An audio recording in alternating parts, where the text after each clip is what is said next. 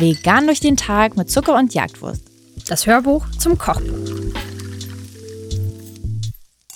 Herzlich willkommen zum vielleicht ersten Hörbuch zu einem Kochbuch.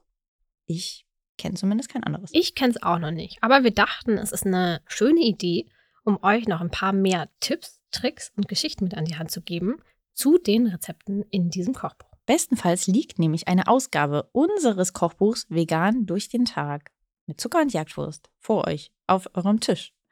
Ansonsten wird dieses Hörbuch etwas weird für euch. Aber ich finde die Idee, das zu hören, obwohl man das Kochbuch nicht hat, das ist trotzdem sehr süß. Also auch wenn ihr das hören wollt ohne Kochbuch, ähm, auch das appreciaten wir.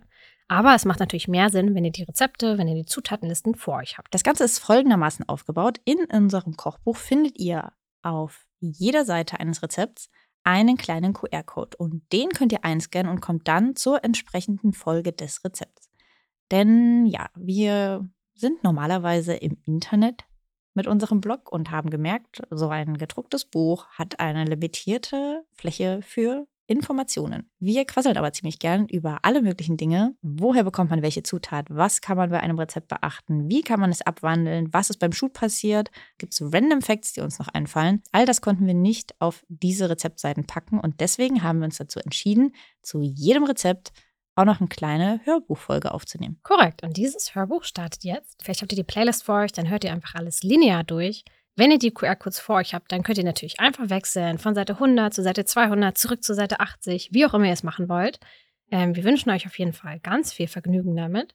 Wir hoffen, unsere Tipps bringen euch was. Vielleicht lernt ihr auch was Kleines. Vielleicht seid ihr jetzt dann eben dabei, so die ersten Zutaten zusammenzusammeln. Oder vielleicht ist es auch die Wartezeit von einem Rezept, hm, die euch ein bisschen ja. überbrückt. Wir hoffen auf jeden Fall, dass unsere kleine, feine Idee euch so ein bisschen in den ersten Minuten unterhält, während ihr dann vielleicht anfangt, die Sachen zu schneiden. Ja, und damit ganz viel Freude mit dem Hörbuch zum Kochbuch.